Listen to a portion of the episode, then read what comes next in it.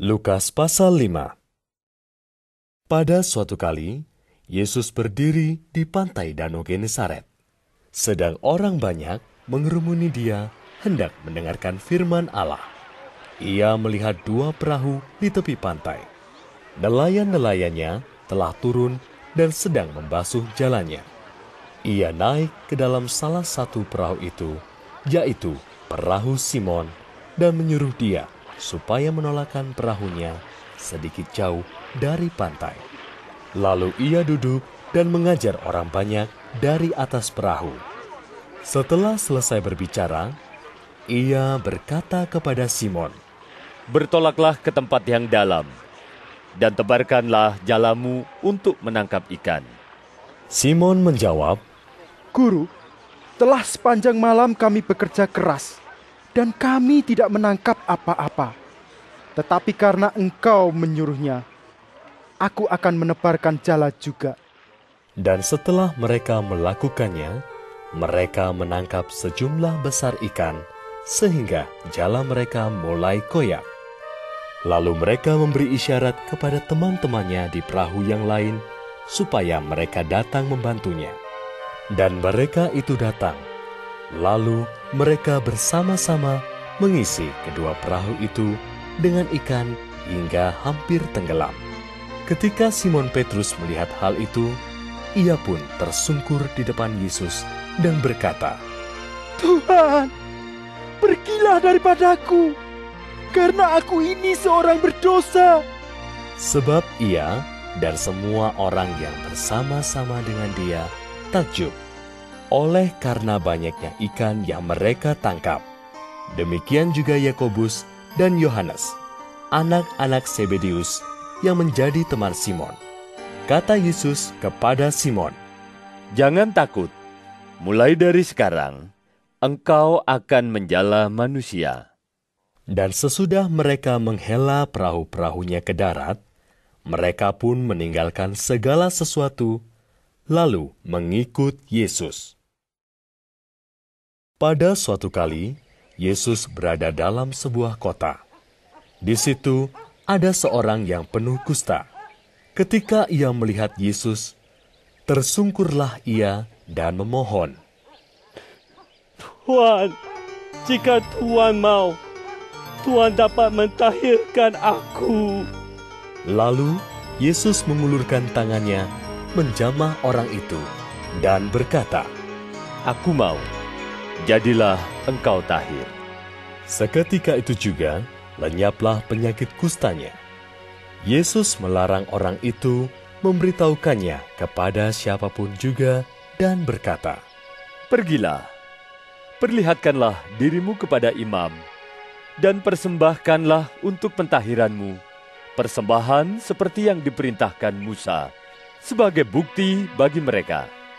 Tetapi kabar tentang Yesus makin jauh tersiar, dan datanglah orang banyak berbondong-bondong kepadanya untuk mendengar dia dan untuk disembuhkan dari penyakit mereka. Akan tetapi, ia mengundurkan diri ke tempat-tempat yang sunyi dan berdoa. Pada suatu hari, ketika Yesus mengajar, ada beberapa orang Farisi dan ahli Taurat duduk mendengarkannya. Mereka datang dari semua desa di Galilea dan Yudea dan dari Yerusalem. Kuasa Tuhan menyertai dia, sehingga ia dapat menyembuhkan orang sakit. Lalu datanglah beberapa orang mengusung seorang lumpuh di atas tempat tidur. Mereka berusaha membawa dia masuk dan meletakkannya di hadapan Yesus. Karena mereka tidak dapat membawanya masuk, berhubung dengan banyaknya orang di situ. Naiklah mereka ke atap rumah, lalu membongkar atap itu, dan menurunkan orang itu dengan tempat tidurnya ke tengah-tengah orang banyak, tepat di depan Yesus. Ketika Yesus melihat iman mereka, berkatalah ia, Hai saudara, dosamu sudah diampuni. Tetapi ahli-ahli Taurat dan orang-orang Farisi berpikir dalam hatinya, Siapakah orang yang menghujat Allah ini? siapa yang dapat mengampuni dosa selain daripada Allah sendiri? Akan tetapi, Yesus mengetahui pikiran mereka, lalu berkata kepada mereka, Apakah yang kamu pikirkan dalam hatimu? Manakah lebih mudah mengatakan, dosamu sudah diampuni, atau mengatakan, bangunlah dan berjalanlah.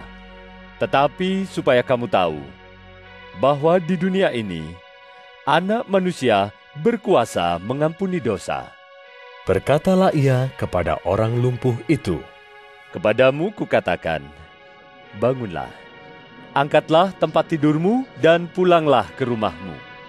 Dan seketika itu juga bangunlah ia di depan mereka.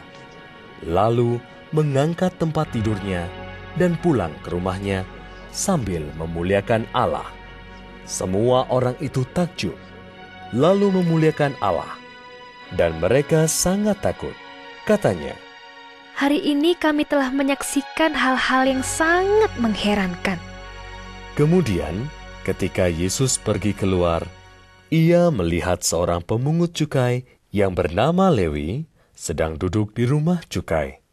Yesus berkata kepadanya, Ikutlah aku. Maka berdirilah Lewi dan meninggalkan segala sesuatu, lalu mengikut dia. Dan Lewi mengadakan suatu perjamuan besar untuk dia di rumahnya. Dan sejumlah besar pemungut cukai dan orang-orang lain turut makan bersama-sama dengan dia. Orang-orang Farisi dan ahli-ahli Taurat bersungut-sungut kepada murid-murid Yesus. Katanya, Mengapa kamu makan dan minum bersama-sama dengan pemungut cukai dan orang berdosa?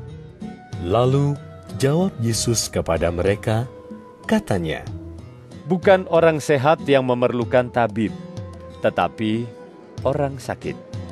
Aku datang bukan untuk memanggil orang benar, tetapi orang berdosa, supaya mereka bertobat. Orang-orang Farisi itu berkata pula kepada Yesus, Murid-murid Yohanes sering berpuasa dan sembahyang.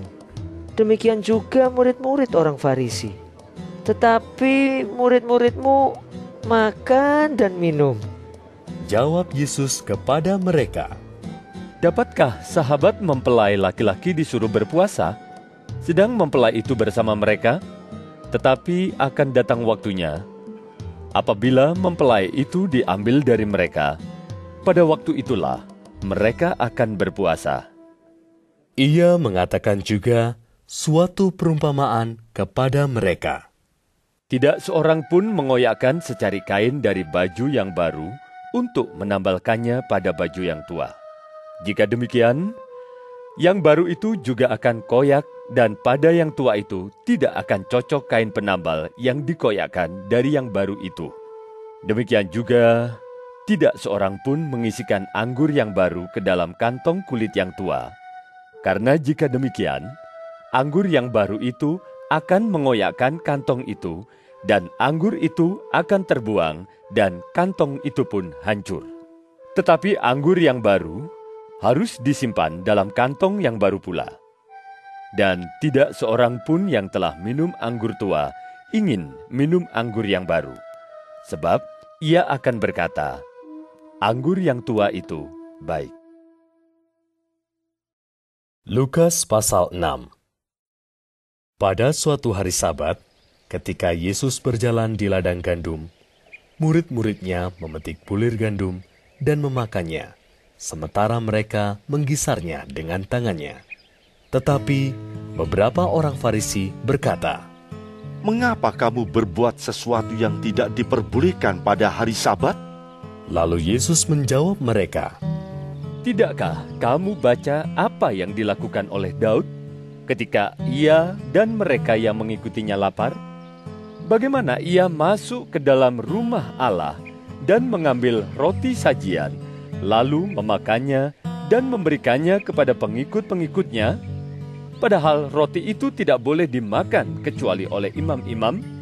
kata Yesus lagi kepada mereka, Anak manusia adalah Tuhan atas hari Sabat. Pada suatu hari Sabat lain, Yesus masuk ke rumah ibadat lalu mengajar. Di situ ada seorang yang mati tangan kanannya. Ahli-ahli Taurat dan orang-orang Farisi mengamat-amati Yesus. Kalau-kalau ia menyembuhkan orang pada hari Sabat, supaya mereka dapat alasan untuk mempersalahkan dia. Tetapi ia mengetahui pikiran mereka, lalu berkata kepada orang yang mati tangannya itu, Bangunlah dan berdirilah di tengah. Maka bangunlah orang itu dan berdiri. Lalu Yesus berkata kepada mereka, Aku bertanya kepada kamu, manakah yang diperbolehkan pada hari Sabat? Berbuat baik atau berbuat jahat, menyelamatkan nyawa orang atau membinasakannya? Sesudah itu, ia memandang keliling kepada mereka semua, lalu berkata kepada orang sakit itu, Ulurkanlah tanganmu. Orang itu berbuat demikian, dan sembuhlah tangannya. Maka meluaplah amarah mereka. Lalu mereka berunding. Apakah yang akan mereka lakukan terhadap Yesus? Pada waktu itu, pergilah Yesus ke bukit untuk berdoa, dan semalam-malaman ia berdoa kepada Allah. Ketika hari siang, ia memanggil murid-muridnya kepadanya, lalu memilih dari antara mereka dua belas orang yang disebutnya Rasul. Simon, yang juga diberinya nama Petrus, dan Andreas, saudara Simon, Yakobus dan Yohanes, Filipus dan Bartolomeus, Matius dan Thomas, Yakobus anak Alfeus, dan Simon yang disebut orang Zelot, Yudas anak Yakobus, dan Yudas Iskariot yang kemudian menjadi pengkhianat. Lalu ia turun dengan mereka dan berhenti pada suatu tempat yang datar. Di situ berkumpul sejumlah besar dari murid-muridnya dan banyak orang lain yang datang dari seluruh Yudea dan dari Yerusalem dan dari daerah pantai Tirus dan Sidon.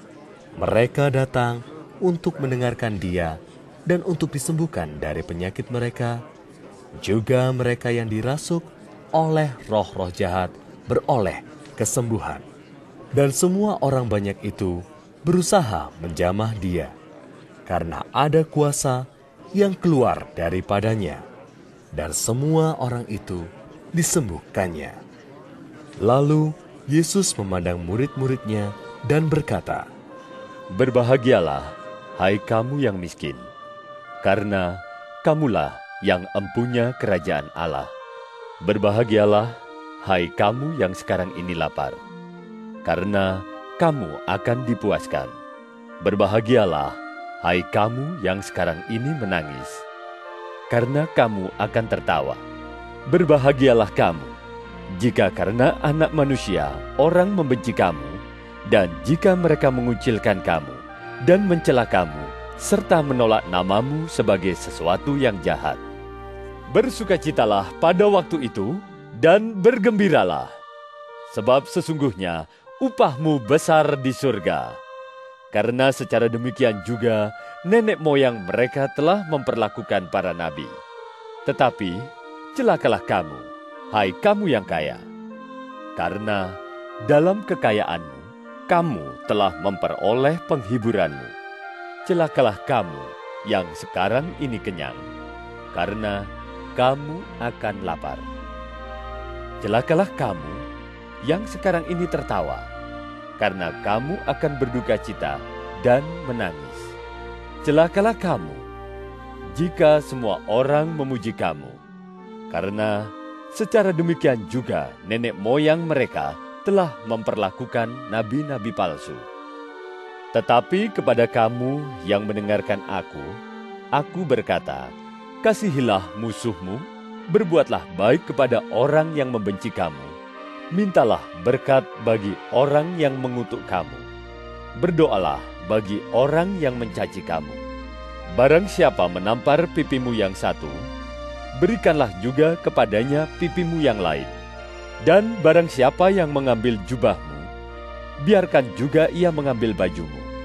Berilah kepada setiap orang yang meminta kepadamu, dan janganlah meminta kembali kepada orang yang mengambil kepunyaanmu. Dan sebagaimana kamu kehendaki supaya orang perbuat kepadamu, perbuatlah juga demikian kepada mereka. Dan jikalau kamu mengasihi orang yang mengasihi kamu, apakah jasamu? Karena orang-orang berdosa pun mengasihi juga orang-orang yang mengasihi mereka. Sebab, jikalau kamu berbuat baik kepada orang yang berbuat baik kepada kamu, apakah jasamu? Orang-orang berdosa pun berbuat demikian. Dan jikalau kamu meminjamkan sesuatu kepada orang, karena kamu berharap akan menerima sesuatu daripadanya. Apakah jasamu? Orang-orang berdosa pun meminjamkan kepada orang-orang berdosa, supaya mereka menerima kembali sama banyak. Tetapi kamu, kasihilah musuhmu, dan berbuatlah baik kepada mereka, dan pinjamkan dengan tidak mengharapkan balasan.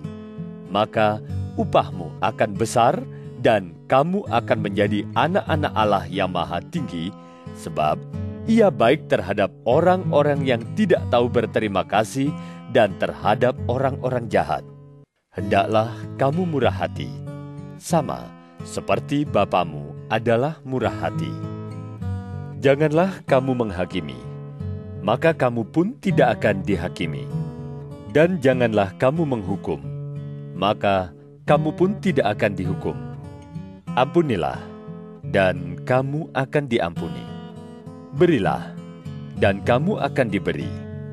Suatu takaran yang baik, yang dipadatkan, yang digoncang, dan yang tumpah keluar akan dicurahkan ke dalam ribaanmu. Sebab ukuran yang kamu pakai untuk mengukur akan diukurkan kepadamu. Yesus mengatakan pula suatu perumpamaan kepada mereka. Dapatkah orang buta menuntun orang buta? Bukankah keduanya akan jatuh ke dalam lubang?